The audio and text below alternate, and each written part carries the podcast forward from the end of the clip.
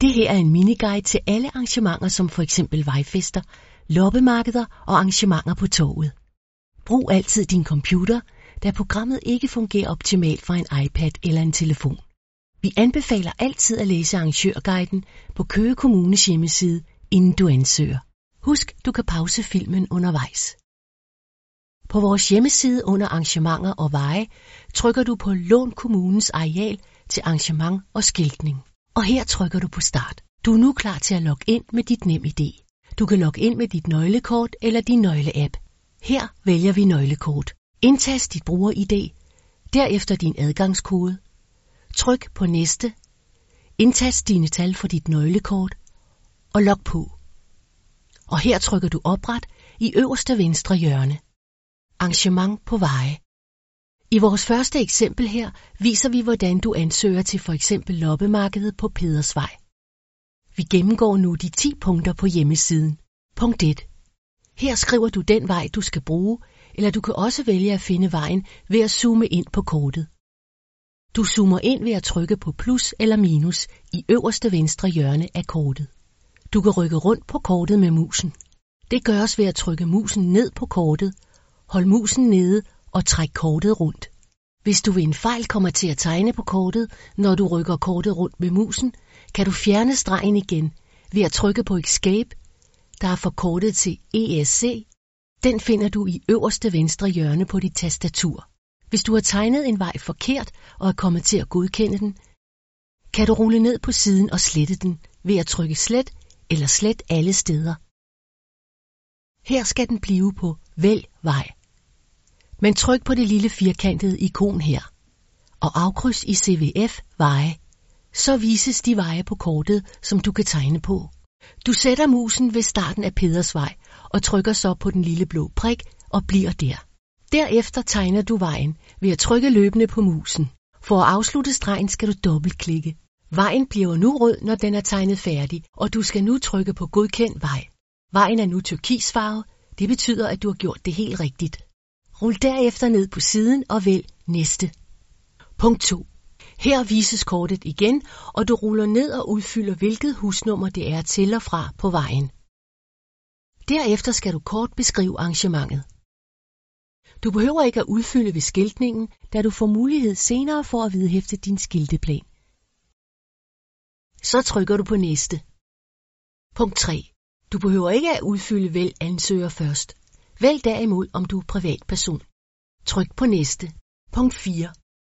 Udfyld her de manglende felter med den lille røde stjerne nederst på siden, hvor der står andre adresseoplysninger. Behøves ikke at blive udfyldt. Tryk derefter på næste. Punkt 5. Her vælger du det, der passer til dit arrangement og til loppemarkedet på Pedersvej. Det er afspærring af veje. Tryk på næste. Punkt 6. Her skal du kort beskrive stedet for arrangementet.